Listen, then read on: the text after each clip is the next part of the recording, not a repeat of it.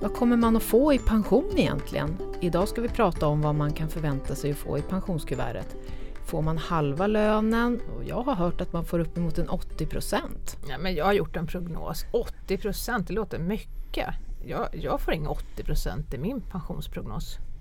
Vi har ju faktiskt tittat på det på min pension. Vi har tittat på vad våra användare kan förvänta sig. Och där var det någon slags genomsnitt på 60 procent. Och det var liksom alla pensioner inräknade. Eh, så kanske där. Men det ska man komma ihåg att det kan ju variera väldigt mycket. Det är ju inte så att samma slutlön gör, ger samma pension. Det är nästan viktigare att titta på de där lönerna innan dess. Eh, för vi såg ju också när vi tittade på vad spararna får att kvinnor får givet samma lön ändå mindre i pension än vad männen får. Eh, så att, ja, det finns ingen sanning, man måste kolla själv. Mm. Idag har vi en gäst som heter Anna Brink. Berätta lite, vem är du? Kommer du ifrån? Eh, jag jobbar på Svensk Försäkring som är en branschorganisation för försäkringsföretagen och där är jag ekonom och arbetar bland annat med sparfrågor. Ja, vad tycker du Anna, ska man nöja sig med att få 60% av sin, sin slutlön i pension eller ja, hur ska man överleva på 60% Det låter väldigt lite. Ja, jag tror inte att det är så många som är beredda att gå ner så mycket i levnadsstandard som det skulle krävas om man bara får 40 procent av den tidigare inkomsten. Eh, visst, det går ju att dra ner kostnaderna som pensionär. Man kan man kan ju till exempel, ja man kan ju leva mycket billigare. Man kanske kan ta vara på lågpriserbjudanden och sådär. Eh, men, eh, men när man frågar de flesta vad de tycker är önskvärt och rimligt så, så är det många som uppger 75-80 procent. Mm.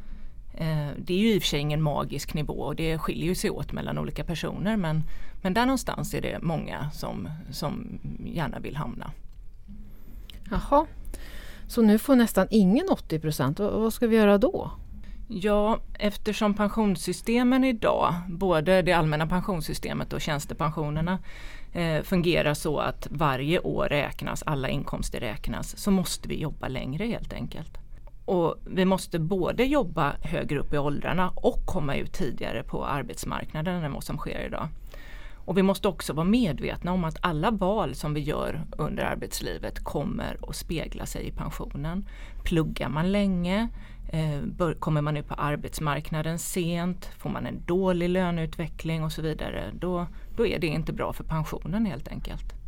Men sen är det också viktigt att hålla reda på procenten här. För att jag menar, om jag har 100 000 i slutlön och så får jag 40 procent i, ja, i pension, då är ju det ändå 40 000 spänn.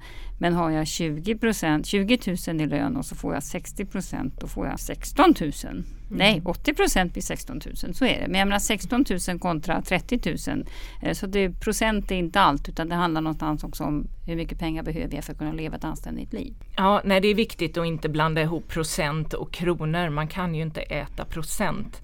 Men vi måste ändå vara beredda på att jobba längre om vi ska få rimliga pensioner. Ehm, men jag tycker det är viktigt att man också tänker på att alla kan inte jobba längre eller de får inte jobba längre. Eller de kanske inte vill jobba hur länge som helst. Ehm, jag ser det som att det ena benet är att jobba längre medan det andra är att man sparar mer av de pengar man tjänar in under, under åren eh, man arbetar.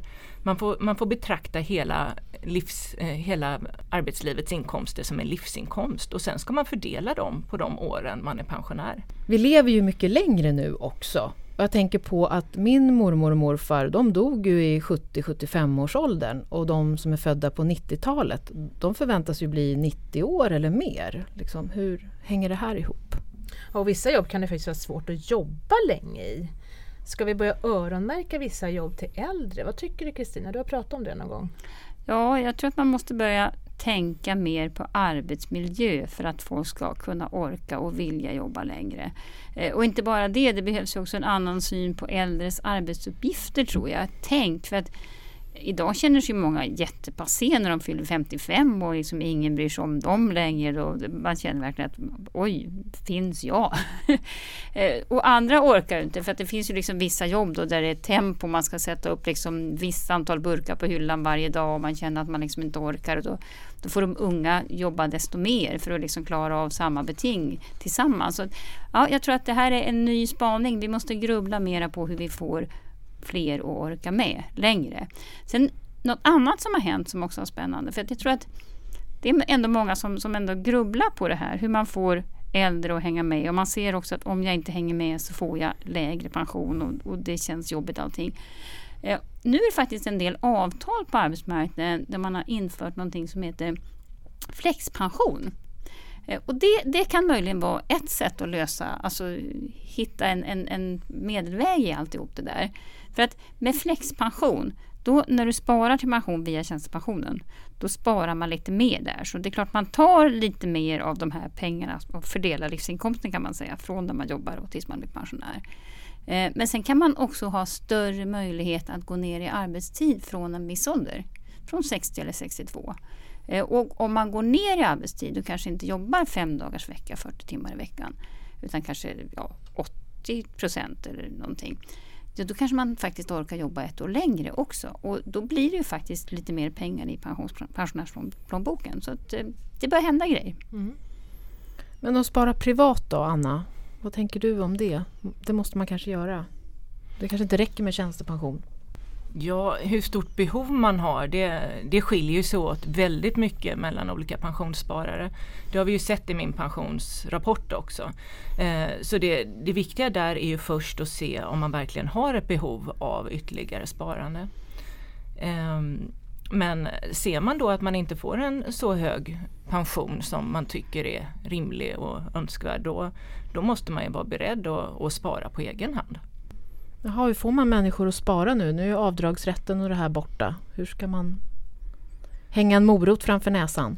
Ja, det avdragsgilla pensionssparandet, där, där, där, var ju avdragsrätten en väldigt tydlig skylt. Liksom, här sparar du, så här gör du. Det fanns, det fanns lite olika produkter att välja på. Man kunde spara i rena pensionsförsäkringar, eh, man kunde spara i IPS. Men det där finns ju inte längre så det, det har ju blivit mer en, en, större tröskel att komma över. Har Svensk Försäkring då funderat på några idéer kring det här? Hur man ska få folk att spara? Ja, alltså först och främst så tycker vi att de här frågorna måste lyftas upp eh, så att vi kan ha en ordentlig diskussion om det här. Och vi tycker det är viktigt med en morot och en tydlig etikett på sparandet. Man vet att här pensionssparar man.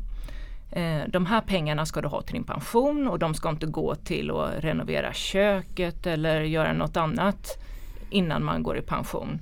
Eh, sen behöver ju då det här sparandet omgärdas med särskilda stimulanser från staten som vi ser det.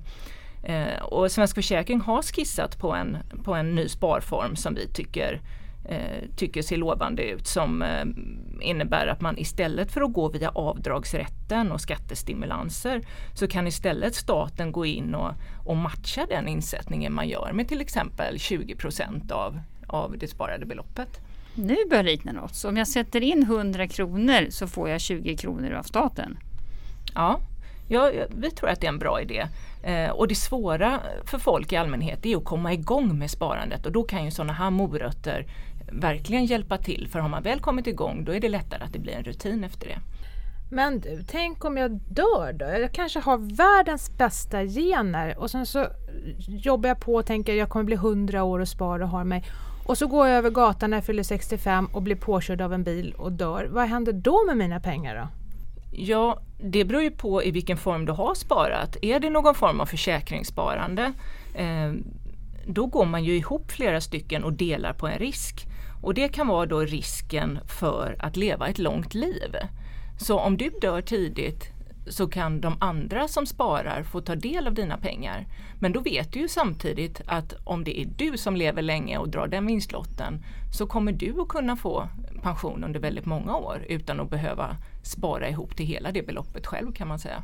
Och jag tycker också att det är viktigt att man sparar till sin egen pension och inte i första hand till sina barn.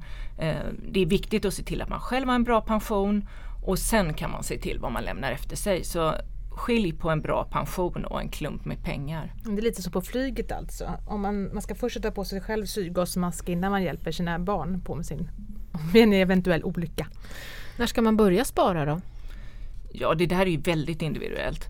Eh, så länge man har barn hemma så kan det ju vara tufft för många och då kan det falla sig naturligt att börja spara när barnen flyttar hemifrån. Men du och jag då Anna, vi fick ju båda barn i 40-årsåldern. I princip så skulle de ju kunna gå he bo hemma ända tills vi blir pensionärer. Hur, ja. hur gör man då? Ja, jo, för mig är det inte ett alternativ att, att vänta till eh, barnen flyttar hemifrån för då skulle jag ju aldrig kunna börja spara. Nej. Och jag kom också ut i arbetslivet sent för jag pluggade länge.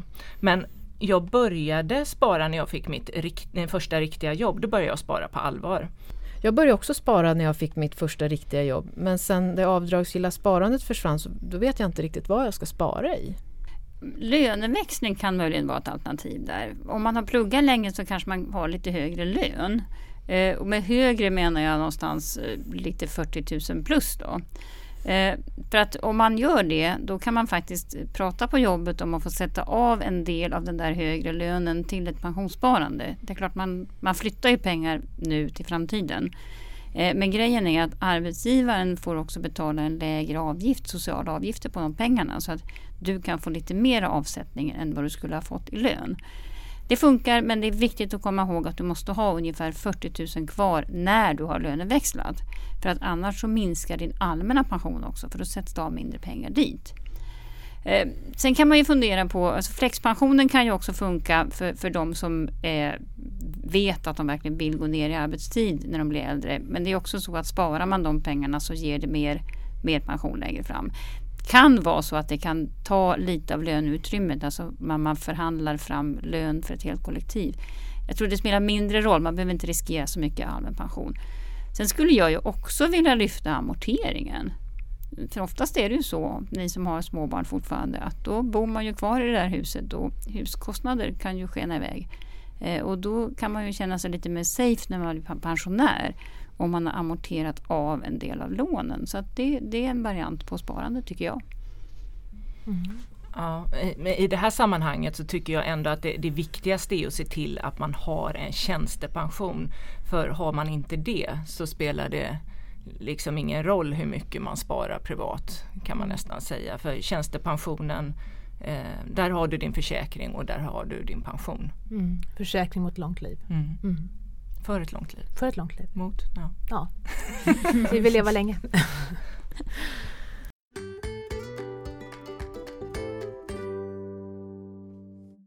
Jag nämnde ju att min mormor och morfar dog där vid 70-75 och nu ska de, inte de, men man förväntas leva mycket längre. Och då pratar man ju om medellivslängden. Hur hänger det här ihop med pension? Ja, det kan man ju undra. För det, det kan verka lite mysko från början. Men om man tänker så här att vi jobbar allihopa och så har vi en, en ganska bra peng när vi går i pension. Låt säga att vi har en 3 miljoner eller någonting. Eh, och då funderar man på, ja, men okej, kan jag ta ut de där pengarna på en gång vid 65? Men det kan man inte, så fungerar inte pensioner. Utan när du fyller 65, då så sätter sig försäkringsmatematikerna och funderar på hur länge ska just du leva Ulrika, och du Maria, du Anna. Det vet de, det är väldigt spännande. Eh, nej, men då räknar de ut hur mycket pengar du ska få varje månad i förhållande till din förväntade livslängd. Du kanske lever till 82,7 år eller något sånt där och då delar man den här säcken med de där åren fram till 82,7. Men om du då istället lever till 85 eller nästa generation alltså lever längre och längre då ska ju de där pengasäckarna de ska räcka flera år. Och då blir det ju mindre pengar varje månad. Så det är ju lite grann det här man brottas med.